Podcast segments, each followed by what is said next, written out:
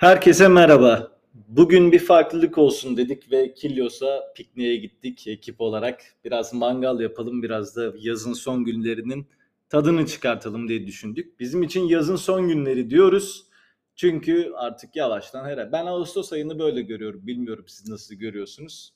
Hafiften Artık şey ama ya Eylül Ekim de yaz gibi geçiyor. ya olsun İki ben şimdi var bence. ya küçüklükten beri böyle bir hani havalar soğur ya geceleri. Hani bir de böyle bir hüzüne boğar. Haziran doğumluyum ben belki onunla alakalıdır. Hep sıcak hava isterim böyle. Abi penguenler ölmesin. Biz şey var ya. Ne?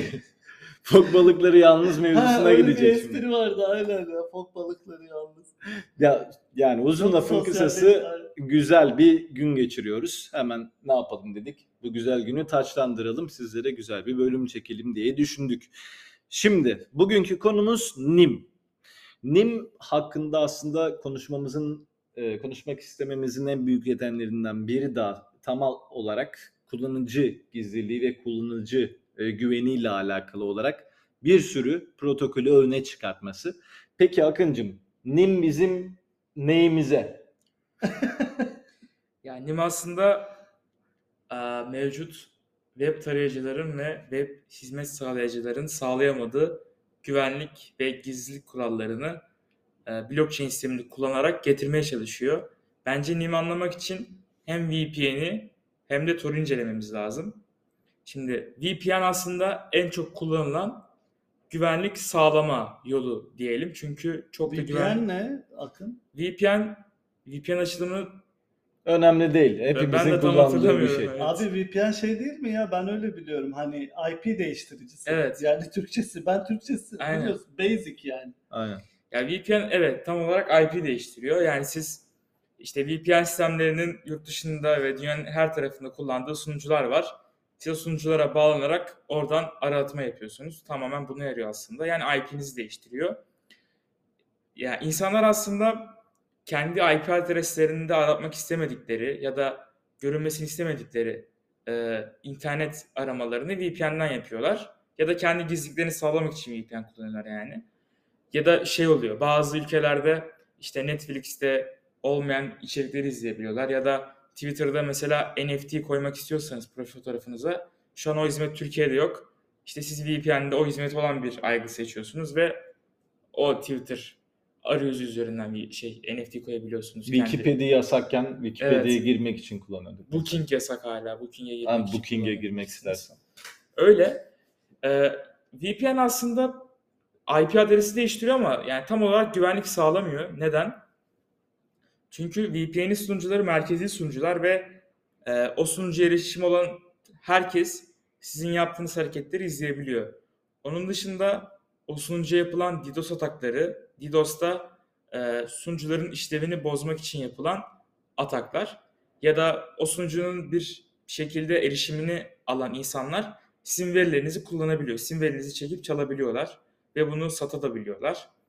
Ee, yani aslında VPN en sık kullanılan güvenlik önlemi olmasına rağmen o kadar da e, nasıl desem güvenli bir yol değil aslında veri gizliliği için. E, şu an kullanılan en en güvenli yol yöntemlerden bir tanesi Tor. Peki Tor'un özelliği ne?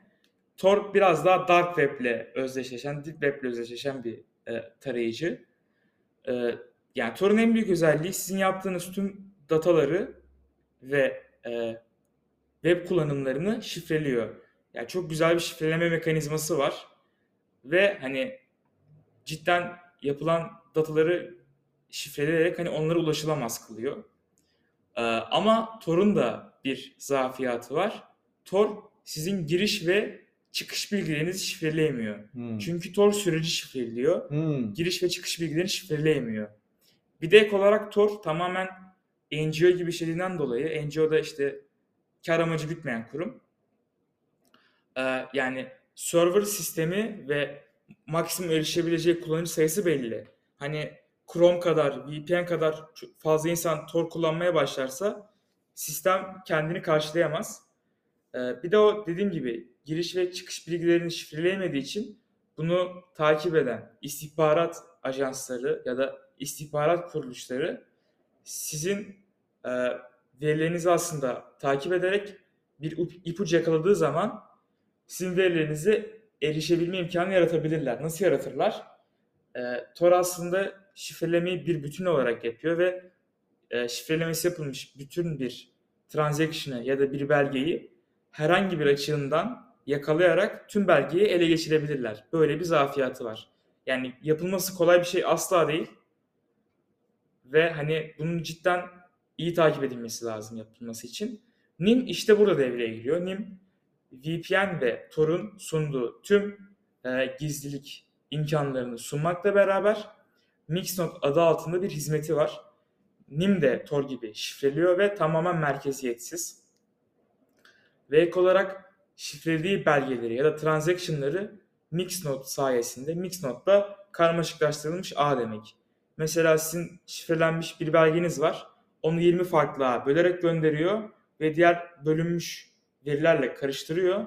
Yani sizin veriniz, şifrelenmiş veriniz ele geçirilse bile onun çözülmesi imkansız yakın hale 20'sini getiriyor. de ele geçirmek lazım Evet. zorunda. Bir tane parçasını al- alsa zaten e, pek bir anlamı kalmayacak Evet diyorsun. ve 20 tanesini alması imkansız çünkü çok fazla dağıtıldığı için hani onun sistem içerisinde takip imkansız. Yani Hmm. NIM'in aslında en güzel tarafı bu.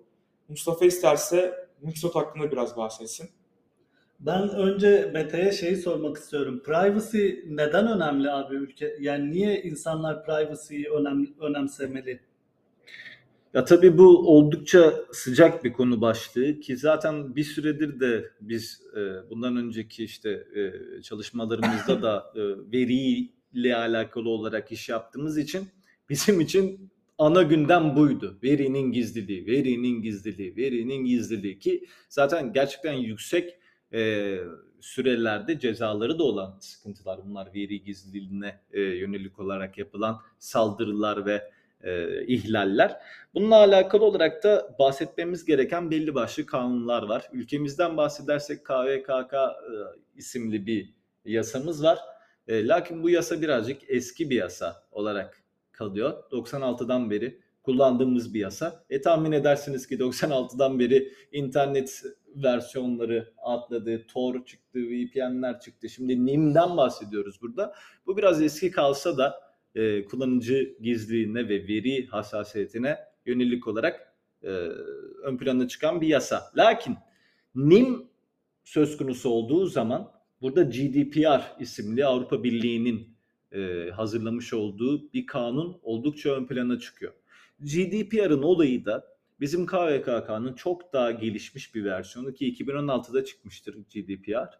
E, bu versiyonla birlikte Avrupa'ya ihracat yapan ya da Avrupa'da iş yapan tüm şirketlerin bu kanuna uyması isteniyor Avrupa Birliği tarafından. Aksi takdirde bu ticareti yapamıyorsunuz. Ve bu kanun diyor ki Avrupa Birliği bu kanunla birlikte benim vatandaşlarımın e, Avrupa Birliği'ni oluşturan bütün ülkelerin vatandaşlarının veri gizliliğine en yüksek ölçüde hassasiyet göstereceksin diyor. Hatta bununla alakalı gerçekten ciddiler ve e, dünyanın en büyük teknoloji şirketlerinden Facebook, Google, Amazon bunların hepsi zaman zaman hatta sıklıkla bu yasayı deldikleri için cezaya çarptırılıyorlar ki zaten e, internete yazdığınız zaman e, bununla alakalı tonlarca veri görebilirsiniz. Yani milyonlarca, milyarlarca euroluk cezalardan bahsediyoruz. İşte tam bu noktada Akın'ın anlattıklarından çıkarttığım nokta bu. NİM'in değer önerisinin bu yönde veri gizliliği ile alakalı olması sanırım GDPR'la da oldukça uyumlu sonuçlar çıkartacaktır ki sadece Avrupa'da da değil. Mesela Amerika gibi verinin gizliliği hakkında çok da e, yani endişeleri olmayan bir toplulukta dahi Kaliforniya eyaletinin öncülüğünde GDPR benzeri yasalar çıkmaya başlıyor ki e, ilerleyen yıllarda yeni eyaletlerin de Kaliforniya'daki işte e, California Privacy Act'te e, benzer e, kanunlar, kodlar çıkartacaklarını düşünüyorlar. Bununla alakalı olarak da NIM'in ortaya koyduğu e, perspektifin, mix notların öneminin 20 parçaya, 50 parçaya, 100 parçaya bölünmesinin belgelerin oldukça geleceğe yönelik olarak e, güzel ve mantıklı bir hamle olduğunu düşünüyorum ben Mustafa. Ben bir şey eklemek istiyorum. Sen hani GDPR dedin ya Avrupa Birliği Gizlilik Komisyonu. Ee, advisorlarından biri de aslında hani Avrupa Birliği Güvenlik Komisyonu'ndaydı. Hatta sitesinde onun yazısını görebilirsiniz. Hani cidden o komisyon da Nim'in mi? Evet, Hmm. projeye yani e, hangi konuda bilmiyorum ama o komisyonda çalışan bir insanın da bir demeci vardı sitesinde. Anlıyorum. Yani otoritelerle de yakın çalışıyorlar o zaman. Evet, Yani evet. evet. Ee, yani biraz toparlayalım. Ee, NIM'in getirdiği hani enteresan bir diğer özellik bence yani kendi e, validatörlerle işlemi yapanlar arasında kullanmış olduğu bir ekstra makinayla, Mixnode'la e, aslında Zero Knowledge'ı hiç kullanmadan ama Zero Knowledge'ın sunduğu bütün imkanlardan e, kullanıcıların faydalanmasını sağlıyor ve iddiaları şey yani privacy by default e, direkt hani e, otomatik olarak kullanıcının e, gizliliğini sağlıyor. Bence çok iddialı bir proje. Eğer hani adapte olabilirse e, Google gibi, Facebook gibi, ne bileyim Amazon gibi şirketler adapte olabilirse ki çok hızlı adapte olabileceğine inanıyorum. E, gelecek enteresan gerçekten. NIM'le enteresan bir gelecek bekliyor bizi gibi duruyor. Çok güzel. E, benim ekleyeceğim bu kadardı arkadaşlar. Süper.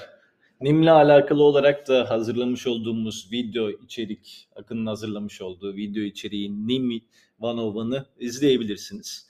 Onun dışında hazırladığımız blog yazılarını da takip ederek NIM'le alakalı daha derin e, bilgilere ulaşabilirsiniz. Biz artık buradan yavaştan karpuzumuzu, peynirimizi Aynen, yiyelim. Aynen. Biraz da Kilyos'un güzel kumlarında yuvarlandıktan sonra Karadeniz'in güzel sularında serinleyelim diyoruz. Hepinize bu güzel yaz gününden selamlar. Görüşmek üzere. Teşekkürler. Görüşmek üzere. Görüşmek üzere.